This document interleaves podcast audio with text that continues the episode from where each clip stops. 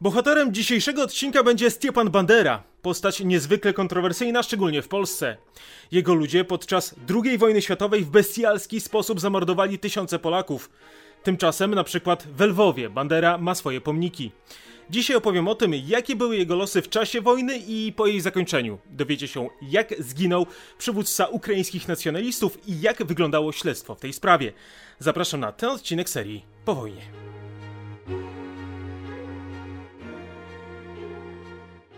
Już w 1939 roku, tuż po zaatakowaniu Polski przez III Rzeszę i ZSRR, organizacja ukraińskich nacjonalistów stworzyła w niektórych miejscach własną milicję, która w pierwszych dniach działalności mordowała Polaków, Żydów i przeciwników politycznych.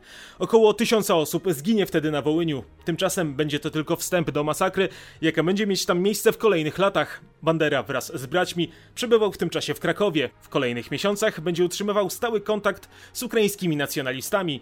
Na początku lutego 1940 roku stanął na czele przywództwa rewolucyjnego Organizacji Ukraińskich Nacjonalistów. Był najważniejszym przedstawicielem młodego pokolenia narodowców z Ukrainy. Miał wtedy 31 lat.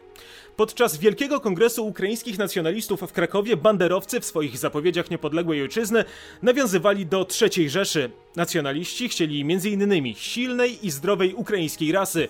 Chcieli też wolności dla innych uciemiężonych przez Związek Radziecki nacji.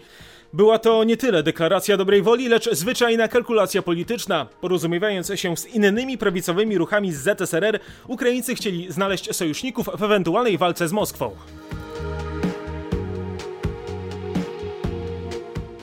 Kiedy Trzecia Rzesza wsparła powstanie najpierw Narodowego Państwa Słowackiego, a potem też chorwackiego, dla Bandery był to czytelny sygnał, że naśladując nazistów, jego organizacja może mieć wiele korzyści. Banderowcy rozpoczęli konkretne przygotowania do tzw. Tak ukraińskiej rewolucji narodowej. Liczyli na to, że Trzecia Rzesza wkrótce zaatakuje ZSRR, Przyszłe działania miały być skierowane przeciwko Polakom i Żydom, którzy utożsamiani byli z bolszewicką władzą. Już wtedy nacjonaliści zapowiadali, że wobec nich nie będzie żadnej litości. Przyszłą Ukrainę miała czekać czystka etniczna tzw. Tak wrogich elementów. Jednym z haseł przyszłej rewolucji było Ukraina dla Ukraińców. Tymczasem ukraińscy nacjonaliści byli niemile widziani w Związku Radzieckim. Tylko od października 1939 roku do końca 1940 roku radzieckie władze aresztowały ponad 4000 narodowców i zabiły 350 osób. Jedną z zatrzymanych osób był ojciec Bandery. W lipcu 1941 roku wykonano na nim wyrok śmierci. Matkę i siostrę Bandery deportowano na Syberię.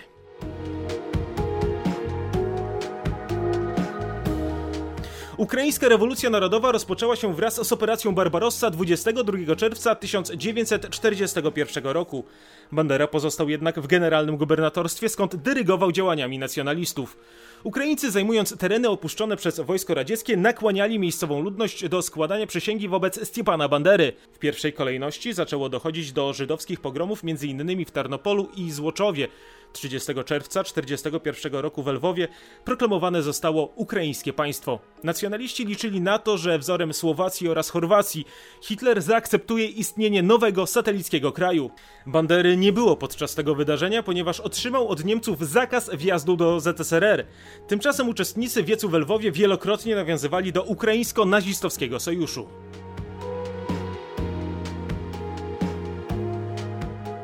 W następnych dniach w Lwowie dochodziło do masowych mordów na Żydach. Mężczyźni ginęli od uderzeń kolbą karabinów. Kobiety były gwałcone i rozbierane na ulicach. Łącznie zginęło ponad 4000 Żydów. Miasto zostało obwieszone żółto-niebieskimi sztandarami i swastykami. Natomiast na placach ukraińskich miejscowości były polone komunistyczne książki. Rozwieszane były też portrety Bandery. Niemieckie jednostki witane były kwiatami. Wznoszone były okrzyki: Niech żyje Stepan Bandera, niech żyje Adolf Hitler. Ukraińskie państwo przetrwało 12 dni. W jego miejsce Hitler utworzył dystrykt Galicja i włączył go do generalnego gubernatorstwa. Natomiast Bandera został osadzony w Berlinie w areszcie domowym. Decyzja Führera rozczarowała ukraińskich nacjonalistów. Poza tym narodowcy stale byli zatrzymywani i zamykani do więzień. Uważano ich za zagrożenie dla prawidłowego funkcjonowania zajętych przez III Rzeszę terytoriów. Niektórzy trafiali do obozów koncentracyjnych. W listopadzie 1942 roku organizacja ukraińskich nacjonalistów zdecydowała się założyć własną armię. Pierwsze jednostki ukraińskiej powstańczej armii zostały uformowane w lutym 1943 roku na Wołyniu. W ciągu miesiąca niemal połowa wołyńskich policjantów zdezerterowała i wstąpiła do oddziałów UPA. Choć Bandery nie było fizycznie na Ukrainie, to bezsprzecznie był on kluczową postacią wszystkich wydarzeń, jakie rozgrywały się na Ukrainie. To on był twarzą rewolucji. Na jego nazwisko składane były przysięgi wierności. Pod koniec roku UPA liczyła około 25 tysięcy ludzi. Większość partyzantów nie miało więcej niż 30 lat. O brak dezercji dbała wewnętrzna służba bezpieczeństwa. Naziści przestali być sojusznikami w walce o niepodległość Ukrainy. Głównymi wrogami byli Polacy oraz komuniści z ZSRR. Pierwsze mordy na naszych rodakach na Wołyniu zostały przeprowadzone już na początku 1943 roku. Od marca codziennie ginęło kilkudziesięciu, a czasem nawet i kilkuset Polaków. Podobne czystki we wschodniej Galicji rozpoczęły się rok później i trwały w zasadzie niemal do końca wojny.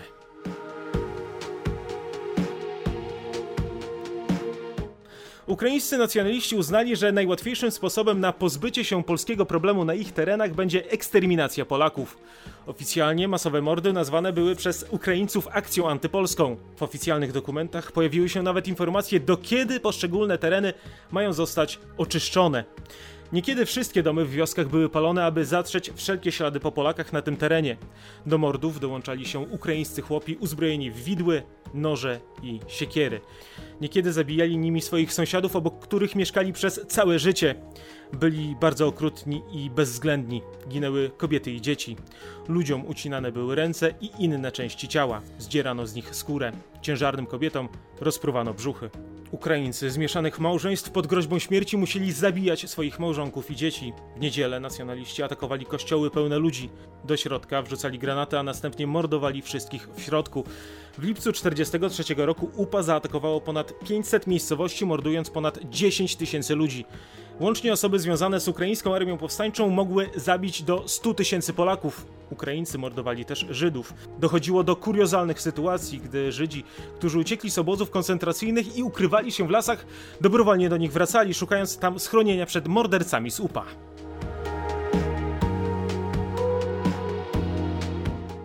Nie wiadomo, co Bandera, przebywający w tym czasie w Niemczech, sądził o takiej formie mordowania Polaków. Jednocześnie po wojnie nigdy ich nie potępił, natomiast jego nazwisko i określenie banderowcy do dziś kojarzone jest z tą zbrodnią. Choć w czasie wojny przebywał w niemieckim areszcie, to był dość dobrze zorientowany w tym, co działo się wtedy na Ukrainie. Mógł czytać gazety i kontaktować się z innymi więźniami. Odbierał też listy. W 1944 roku został przeniesiony do aresztu domowego w Berlinie. Teoretycznie był w zamknięciu, praktycznie mógł chodzić po całym mieście i spotykać się z różnymi ludźmi. Kilka miesięcy później przyjął niemiecką propozycję wspólnego zbudowania antyradzieckiego frontu. Jednocześnie na początku 1945 roku uciekł z rodziną do Wiednia, a następnie do Pragi i Innsbrucku. W tym czasie wraz z przejmowaniem terenów Ukrainy przez Armię Czerwoną, banderowcy zaczęli być traktowani jak przestępcy.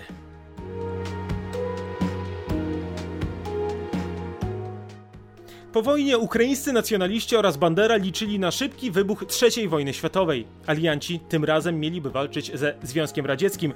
Tymczasem do niczego takiego nie dochodziło. Zamiast tego zachodnia Ukraina na mocy ustaleń z Jałty, a także porozumienia z Polskim Komitetem Wyzwolenia Narodowego przyszła pod zarząd ZSRR. Do 1946 roku aż 700 tysięcy Polaków zostało przeniesionych z Ukrainy do Polski, natomiast z Polski na Ukrainę wywiezionych zostało 470 tysięcy Ukraińców. Marzenie UPA o czystym etnicznie kraju stało się faktem. Poza tym tysiące Ukraińców opuściło Ukrainę wraz z Niemcami, uciekając przed władzą radziecką. Ale zmiany na Ukrainie były jeszcze szersze. Kościół grekokatolicki, otwarcie popierający UPA, został włączony do rosyjskiego kościoła prawosławnego. Duchowni, którzy się temu sprzeciwiali, byli aresztowani. Sytuacja na Ukrainie po przejęciu władzy przez Związek Radziecki była niezwykle ciężka. Konfiskata plonów w 1946 roku doprowadziła do klęski głodu. Z tego powodu zmarło około miliona ludzi.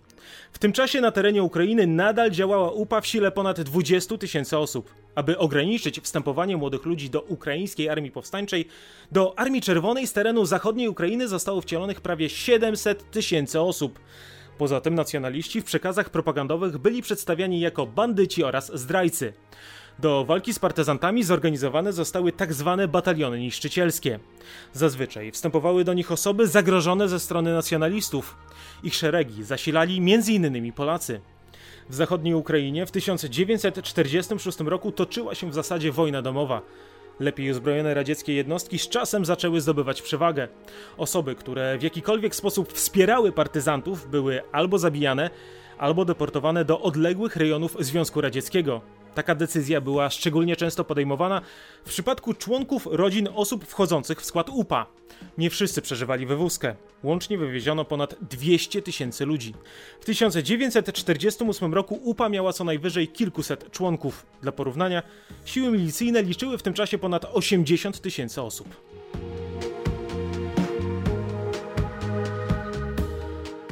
26 stycznia 1945 roku w ręce NKWD wpadł wysoko postawiony dowódca UPA Juri Stelmaszczuk. Dzięki jego zeznaniom oprawcom udało się ustalić miejsce przebywania Dmytro Klaczkiwskiego, głównego organizatora czystki etnicznej na Wołyniu. Dwa tygodnie później Dmytro został zabity podczas walk z 20. Brygadą Wojsk Wewnętrznych NKWD. Zdaniem niektórych badaczy jego ciało zostało wmurowane w ścianę więzienia w Równem. Donosiciel Stelmaszczuk wkrótce też został skazany i stracony. Niektórzy zatrzymani nacjonaliści byli publicznie wieszani. Ciała wisiały potem niekiedy nawet kilka dni. Część partyzantów poddawała się i korzystała z amnestii. Wówczas takie osoby były wykorzystywane do walki z UPA i akcji propagandowych. Z czasem poparcie dla ukraińskiej armii powstańczej wśród społeczeństwa systematycznie spadało. To prowadziło do akcji odwetowych i stosowania terroru przez nacjonalistów wobec zwyczajnych ludzi. Tymczasem UPA unikało otwartych starć z Armią Czerwoną. Zazwyczaj były to drobne akcje partyzanckie i mordy dokonywane na przeciwnikach politycznych. Kolaboranci byli zabijani tępymi narzędziami, a ich ciała bezczeszczone i między innymi ćwiartowane. Dochodziło też do innych sytuacji. 27 maja 1947 roku ukraińscy nacjonaliści wysadzili pomnik Lenina w Jaworowie. Rok później UPA przeprowadziło około 1300 różnych akcji. Z czasem ich liczba sukcesywnie malała. W połowie lat 50. radzieckie władze wciąż poszukiwały około 500 osób, które mogły być odpowiedzialne za około 30 antyradzieckich działań. Ostatnia jednostka organizacji ukraińskich nacjonalistów została rozbita w 1960 roku.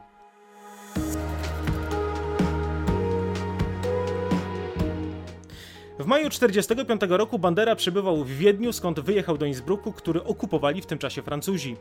Tymczasem w Monachium organizacja ukraińskich nacjonalistów organizowała swoje nowe centrum. Do miasta sprowadzało się coraz więcej osób z Ukrainy. Wkrótce zrobił to również Bandera. Dla większego bezpieczeństwa i uniknięcia deportacji do ZSRR do 1954 roku lider nacjonalistów będzie mieszkać w podmonachijskiej miejscowości Starnberg. Potem przeprowadzi się do Bright Bran. Dopiero w połowie lat 50. zdecyduje się na powrót do stolicy Bawarii. Bandera ukrywał się pod nazwiskiem Popel. Przy sobie zawsze nosił legitymację prasową, która miała uwiarygadniać jego legendę w Niemczech. Chroniły go też amerykańskie i brytyjskie służby wywiadowcze, dla których był cennym źródłem informacji na temat ZSRR. To właśnie Amerykanie uratowali Banderę przed schwytaniem go rok później przez radziecki oddział specjalny. Ukryli go w siedzibie organizacji Gelena, gdzie przebywał jako Stanisław Sitkowski. Nie była to jednostronna współpraca. Służba Bezpieczeństwa Organizacji Ukraińskich Nacjonalistów współpracowała z CIA przy likwidacji osób podejrzewanych o współpracę ze Związkiem Radzieckim.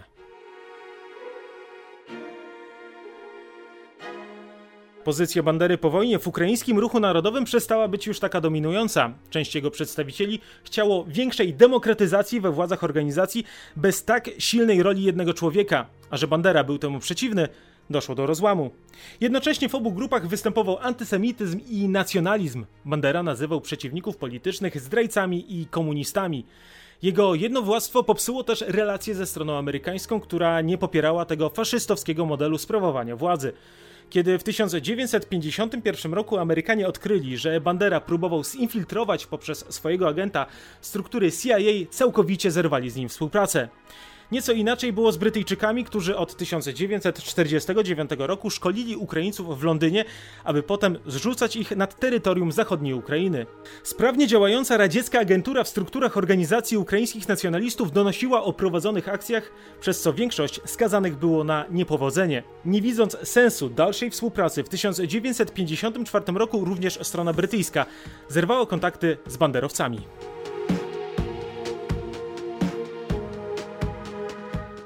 Przebywając na emigracji, Bandera bardzo dużo podróżował. Odwiedzał m.in. ukraińskich emigrantów w Belgii, e, Wielkiej Brytanii, Holandii oraz we Włoszech. Jedynym krajem, do którego nigdy nie został wpuszczony, były Stany Zjednoczone. Jeśli chodzi o życie prywatne, to Bandera nie był zbyt dobrym mężem. Co chwilę zdarzały mu się romanse, szczególnie po 1945 roku. Żył z pieniędzy otrzymywanych od członków organizacji ukraińskich nacjonalistów. Zdarzały mu się też inne źródła dochodu. Na przykład w 1950 roku otrzymał od MI6 nowy samochód. Po wojnie twierdził, że nigdy nie sympatyzował z nazistowskimi Niemcami, a informacje o zabójstwach Polaków na Wołyniu są nieprawdziwe. Poza tym Trzecia Rzesza nie była w jego opinii zła, dlatego że zamordowała miliony ludzi, lecz dlatego, że miała imperialistyczne zapędy, nie pozwalając Ukraińcom stworzyć własnego państwa. Bandera uważał też, że demokracja jest zdradą ukraińskiego nacjonalizmu. Niemal do końca życia wierzył w to, że wybuchnie trzecia wojna światowa, dzięki której w końcu powstanie ukraińskie państwo.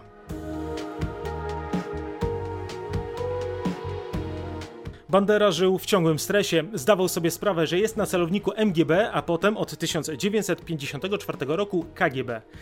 Radzieckie służby wielokrotnie próbowały go porwać lub zamordować. Do pierwszego zamachu doszło w 1947 roku. Banderę próbował zamordować jego kurier, który został zwerbowany do współpracy przez radzieckie służby. Jednak zanim zdążył pociągnąć za spust, wcześniej na jego trop wpadła Służba Bezpieczeństwa Organizacji Ukraińskich Nacjonalistów. Wyrok mógł być tylko jeden. Zamachowiec został zamordowany. Dwa lata później taki sam los spotkał kolejnego zamachowca, Stelmaszczuka. Jednak w późniejszych latach Bandera nadal nie mógł czuć się bezpiecznie. Doskonale wiedział, że ZSRR na pewno mu nie odpuści i nie odpuściło. W końcu zorganizowany został zamach, który zakończył się zabójstwem Bandery.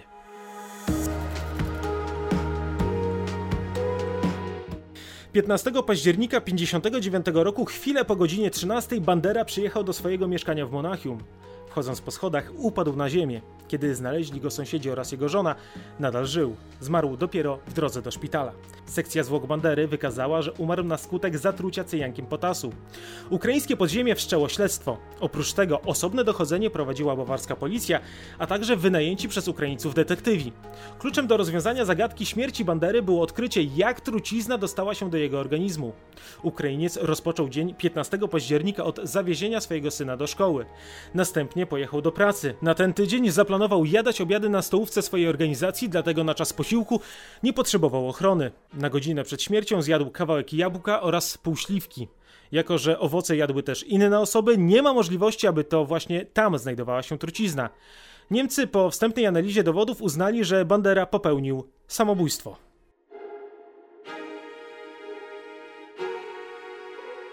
Inną teorię miała strona radziecka, która w komsomolskiej prawdzie napisała, że za zabójstwem Bandery stoi minister w rządzie Adenauera Theodor Oberlander, odpowiedzialny za sprawy uchodźców. Rosjanie twierdzili, że Niemiec obawiał się, że Bandera ujawni informacje o jego udziale w pogromach dokonanych w Lwowie w 1941 roku. Śledztwo w sprawie śmierci Bandery niemiecka policja zakończyła w 1960 roku, uznając, że nie ma dowodów na to, że został zamordowany. Tajemnica śmierci Ukraińca pewnie nie zostałaby już nigdy rozwiązana rozwiązana, gdyby nie sytuacja, do której doszło rok później, w sierpniu. To właśnie wtedy jeden z posterunków policji w Berlinie Zachodnim odwiedził Bogdan Staszyński. Mężczyzna powiedział, że jest radzieckim agentem i chce rozmawiać z Amerykanami. Tak się też stało. W trakcie przesłuchań przyznał się do zabójstwa Bandery. Staszyński do 1952 roku pracował jako radziecki agent w rejonie Lwowa. Wysoka skuteczność jego działań sprawiła, że radzieckie służby uznały, że jest odpowiednią osobą do wysłania za granicę. Przez dwa lata był szkolony w Kijowie. Następnie wysłano go do Polski i do wschodnich Niemiec. Pierwszym zadaniem Staszyńskiego w Niemczech było zabójstwo nacjonalisty Łewa Rebeta. Mężczyzna zginął od wystrzelenia mu w twarz trującego gazu z rozpylacza, w którym rozkruszona została kapsułka z cyjankiem. Aby samemu nie stać się ofiarą zamachu, sam połknął pigułkę odtruwającą. Była to metoda o tyle skuteczna, że cyjanek wyparowywał po kilku minutach, przez co nie było dowodów na zatrucie. Po sekcji zwłok Rebeta lekarz uznał, że ten zmarł prawdopodobnie na atak serca. Moskiewscy zleceniodawcy zabójstwa byli zadowoleni za Staszyńskiego tak bardzo, że w styczniu 59 roku zlecili mu wyśledzenie Stepana Bandery w Monachium. Kiedy już to zrobił, w kwietniu dostał zadanie zabójstwa lidera ukraińskich nacjonalistów. Ponieważ Bandera zawsze miał obok siebie ochroniarza, Staszyński otrzymał specjalny rozpylacz z dwoma lufami. Pierwsza dawka miała zabić ochroniarza, druga Banderę. Zabójstwa mógł dokonać już w maju, jednak jeszcze wtedy nie był na to gotowy. Ciągle zastanawiał się, czy to na pewno dobra decyzja. Aby to przemyśleć, wyjechał do swojego rodzinnego domu w Barszczowicach.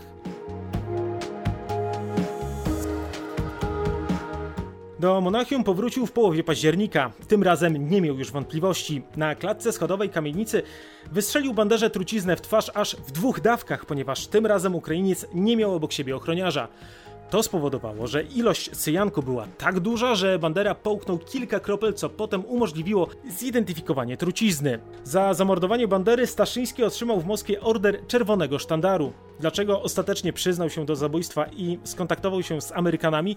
Staszyński podobno uzmysłowił sobie, że to strona radziecka jest tą złą w zimnowojennym sporze. Poza tym jego żona była Niemką, co sprawiało, że mm, był pod stałą obserwacją radzieckich służb. Stany Zjednoczone ujawniły jego historię 17 listopada 1961 roku. Strona radziecka zdementowała te informacje. Proces Staszyńskiego odbył się w Karlsruhe w październiku 1962 roku. Za dwa zabójstwa usłyszał wyrok 8 lat więzienia. Potem opuścił areszt już po trzech latach odbywania kary. To tyle na dziś. Dziękuję za uwagę. Zachęcam do subskrybowania kanału i do usłyszenia.